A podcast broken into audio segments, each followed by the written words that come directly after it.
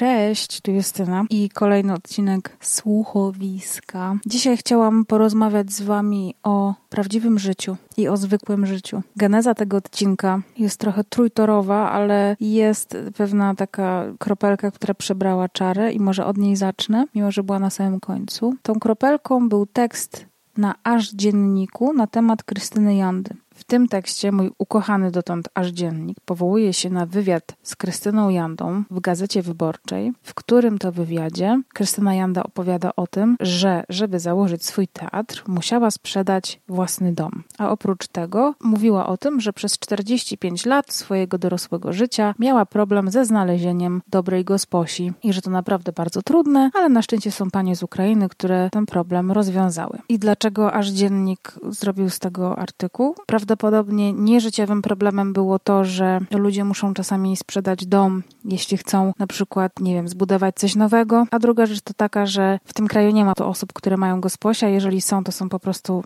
szajbnięci. Tytuł artykułu brzmi Zaginęła Krystyna Janda. Ostatnio była widziana, jak tekstem o gosposi odrywa się od rzeczywistości. I chciałam porozmawiać właśnie nie tylko o tym życiu, o którym wspomniałam na samym początku, ale właśnie o rzeczywistości. Od jakiej rzeczywistości oderwała się Krystyna Janda? Jakiś czas temu przez internet przetoczyła się fala, może nie hejtu, ale takich śmieszków, heheszków, drwin z pewnego wywiadu dla magazynu F5, bo magazyn F5 ma taki cykl Jak wygląda Twój dzień, w którym pytają różnych ludzi, takich może znanych bardzo wąskiemu gronu, o to, jak wygląda ich dzień. Zaskakujące, prawda? I w tym cyklu pojawiają się głównie młodzi ludzie, bo tak jak sobie zerknęłam, to tak, tutaj jest, no, jedna jest pani, która ma 53 lata, ale to jest chyba wyjątek. Większość z nich pracuje w mediach, jedna dziewczyna studiuje lotnictwo, ale tutaj jest jakiś fotograf, tam ktoś z domu mediowego, właściciel swojej agencji, przepraszam, nie agencji, tylko grupy, y, przepraszam, współzałożyciel i kreatywny, czyli art director, jak mnie mam w grupie kreatywnej. No i właśnie właśnie wywiad z panem Filipem Kniejem był takim pierwszym wywiadem z tego cyklu, który przeczytałam. No i nie ukrywam, że troszkę mnie, jako że pracujemy w tej samej branży, tylko w różnych, w różnych firmach, nie jestem współzałożycielką agencji, w której pracuję. No i troszkę mnie ten tekst, zresztą chyba nie tylko mnie, bo podesłał mi go inny znajomy, który również pracuje w reklamie. Pomyśleliśmy, że to jest taki nabzdyczony tekst, który ma pokazać, jak przebojowe i jak zarąbiste jest to życie właśnie właśnie osoby, która pracuje w reklamie. Pan Filip w pracy spędza 11-12 godzin, bo z własną firmą jest grubo w tym temacie, ale robię co mogę, żeby nie pracować non-stop. To są cytaty z pana Filipa. To akurat rozumiem, bo myślę, że ta grupa kreatywna, no, patrząc na wiek pana Filipa, no nie może być jakimś wielkim przedsiębiorstwem, w którym pracuje mnóstwo ludzi, tylko pewnie większość pracy odbywa się rękami pana Filipa. E, potem pan Filip opowiada o tym, że w ciągu dnia dla siebie robi to, że albo ogląda buty i ubrania, albo parzy parzy jakąś y, wyrąbistą kawę z bardzo tam jakiejś ekskluzywnej palarni kawy. Pan Filip ma także rytuały w ciągu dnia, takie jak szlugi i przeglądanie Elo, Pinteresta, Arrows, co uważa dalej za robotę, bo to szukanie, cytuję, inspirek. Przed zaśnięciem pan Filip pali lolka i całuje się z dziewczyną, a wkurwia między innymi to, że rząd zabiera nam z życia kolory, bardzo ładne sformułowanie, oraz to, że kiedy płaci za gram, dostaje 0,7 grama. No więc jakby w opowieści o swoim dniu pan Filip użył bardzo wielu tak słów, które można uznać za może trochę pretensjonalne, nie wiem. No takie generalnie nie jest to życie takiego zwykłego pana pracownika, nie wiem, korporacji, no ale pan Filip nie pracuje w korporacji. Nie jest też, myślę, to życie yy, życiem takiego przeciętnego pracownika agencji reklamowej. Tak mi się wydaje przynajmniej. No ale ten wywiad przeczytałam dlatego, że ktoś mi go podesłał, nie widziałam go nigdzie w internecie ani na pudelku. Natomiast drugi wywiad, czy tam któryś z kolei, ale drugi, który ja miałam okazję przeczytać, to był wywiad z panią Katarzyną Grabowską. Jeżeli nie wiecie, kim jest pani Katarzyna Grabowska, to podobno jest byłą dziewczyną barona z Afromental. Jeśli dalej nie wiecie, kto to jest, to włączcie sobie czasami telewizję, chociaż już teraz chyba nie. Ale jeżeli dalej nie wiecie, kim jest baron z Afromental, to proszę użyjcie Google'a. I pani Katarzyna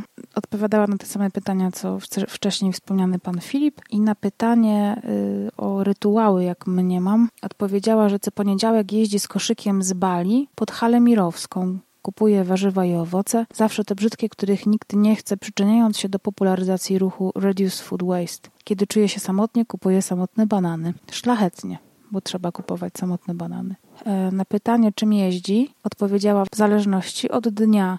podróżuje na latającym dywanie, a w weekendy na jednorożcu imieniem Karol. Chyba co lubi jeść, odpowiedziała że je życie małą złotą łyżeczką, że najważniejszy związek w swoim życiu to związek ze samą sobą, bardzo propsuje. Powiadała też o tym, że przy użyciu Medicine Fan, zrobionego z sowiego skrzydła przez szamana z Kalifornii, oczyszcza swoją energię szałwią i palo santo, słuchając peruwiańskich i karos. Czasem jeździ do lasu pomedytować, pochodzić boso po ziemi, przytulić się do drzew. I tak dalej, i tak dalej. Kumacie klimat. No i wszyscy się bardzo zaczęli z tego śmiać, że to jest po prostu oderwane od rzeczywistości, że ta kobieta w ogóle jak może tak spędzać życie, że co to w ogóle jest, że ona nie zna prawdziwego życia. I znowu wracamy do dwóch pojęć pod tytułem prawdziwe życie oraz rzeczywistość. Być może pani Katarzyna nie musi pracować, nie musi chodzić do mm, biura, być może utrzymuje się z innych rzeczy, o których tutaj nie powiedziała. W ogóle nie powiedziała, z czego się utrzymuje, bo kogo to na dobrą sprawę powinno obchodzić. I powiem Wam szczerze, że dopiero od niedawna przestałam się śmiać z ludzi, czy znaczy inaczej, przestałam tak heheszkować z ludzi, którzy są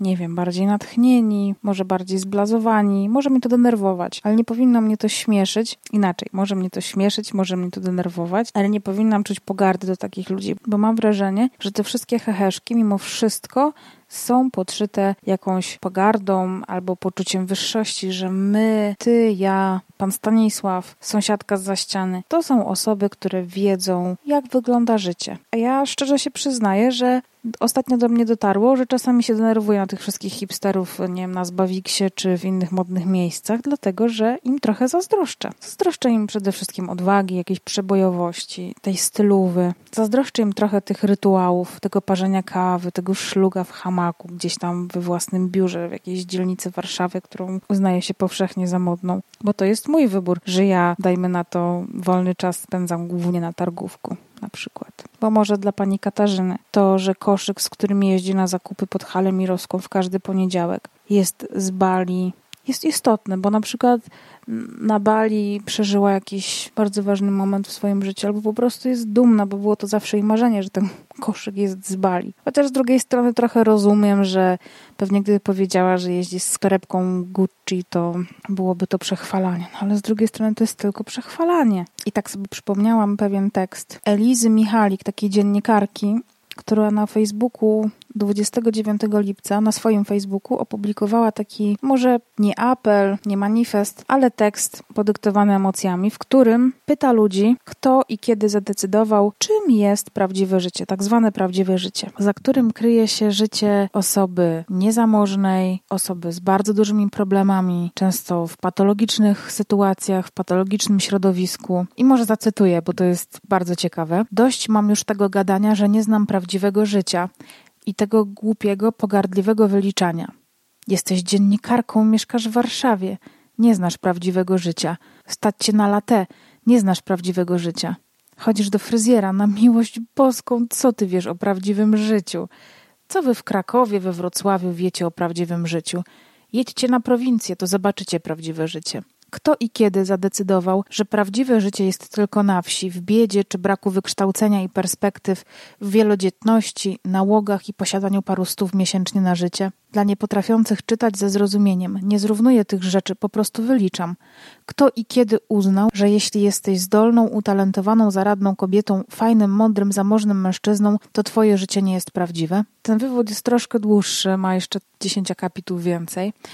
Natomiast nie sposób mi się z nim nie zgodzić, bo jest taka niepisana wiedza powszechna, że osoby, którym wiedzie się lepiej, które dobrze zarabiają, które mają różne takie udogodnienia wynikające z chociażby tego, że stać je na coś, nie znają prawdziwego życia.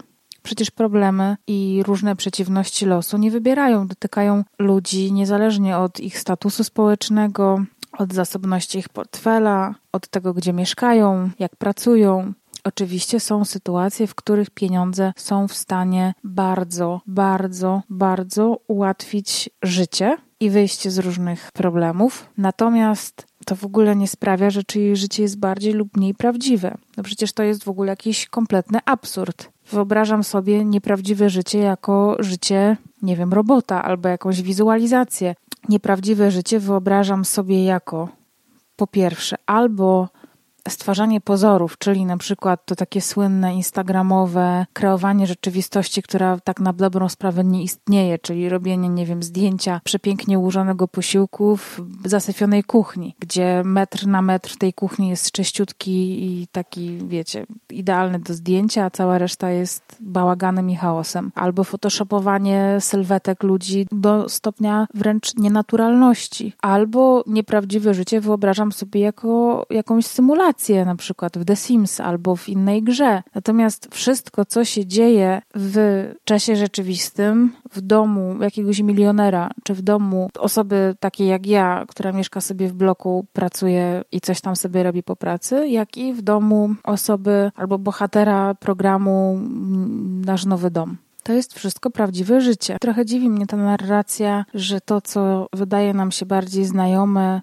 może być jakimś punktem odniesienia, ale to nie jest jakiś wzór na normalność, bo no pewnie jest tak, że jednak większość ludzi, tutaj wracam do wątku Krystyny Jandy, sprząta sobie sama w domu. Albo nie ma gosposi, która jeszcze pewnie ugotuje, zrobi zakupy, nie wiem, jakie są obowiązki gosposi ale są ludzie, którzy korzystają z usług przykład pań sprzątających. I doskonale rozumiem dylemat, że trudno jest znaleźć kogoś dobrego i pod tym parasolem słowa dobry mieści się na przykład dostępność, stałość wizyt, bo zależy mi na tym, żeby na przykład ktoś przychodził regularnie. Dokładność, cena, a poza tym, no nie ukrywajmy, jeżeli kogoś wpuszczamy do naszego domu na kilka godzin tygodniowo i fajnie by było nie musieć wtedy być w domu, co, co wiąże się z zaufaniem do takiej osoby, no to trudno jest kogoś takiego znaleźć. A wyobrażam sobie, że gosposia jest osobą, która spędza w tym domu dużo więcej czasu niż pani sprzątająca i jest pewnie codziennie. Więc rozumiem, że musi to być osoba, z którą nam spędzanie czasu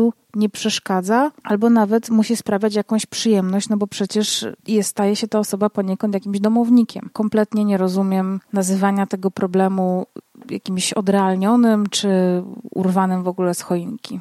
Prawda jest taka, że każdy z nas ma swoje życie i epitet prawdziwy czy nieprawdziwy w ogóle nie powinno stawać przy słowie życie, jest ono, nie wiem, może łatwiejsze, może trudniejsze. To też wszystko zależy. Nie ma jednej miarki, którą da się bezwzględnie zmierzyć czyjeś życie. Zresztą w ogóle po co mielibyśmy to robić? Takie mierzenie czyjegoś życia jest w jakiś sposób wartościowaniem tego i to już tak wiecie, zakrawa o brzydkie rejony. Czyje życie jest ważniejsze, mniej ważne, lepsze, gorsze, mniej istotne, bardziej istotne. No, nie powinno to tak działać. Każdy ma swoje życie, każde życie jest tak samo ważne, warte uwagi. Bardzo niefajna jest ta pogarda i nieprzychylność w kierunku osób innych. O, i tak zbliżyliśmy się do wielkiej prawdy życiowej, że warto, żeby wszyscy siebie akceptowali, nawzajem szanowali, jeżeli w jakimś takim ogólnym, w takiej homeostazie. No i co? Warto pamiętać, że w całej palecie kolorów poza czernią i bielą jest milion ileś tam innych odcieni. Czy któryś z tych kolorów jest mniej ważny? Nie, bo gdyby nie każdy z tego miliona różnych odcieni, to nie byłoby tęczy. Byłaby jakaś taka rozpikselowana, a tak to tworzy płynne takie koło kolorów. No i tą metaforą przepiękną zostawiam Was dzisiaj. Albo mówię Wam dobranoc, albo mówię Wam dopiero dzień dobry i do usłyszenia. Pa, pa.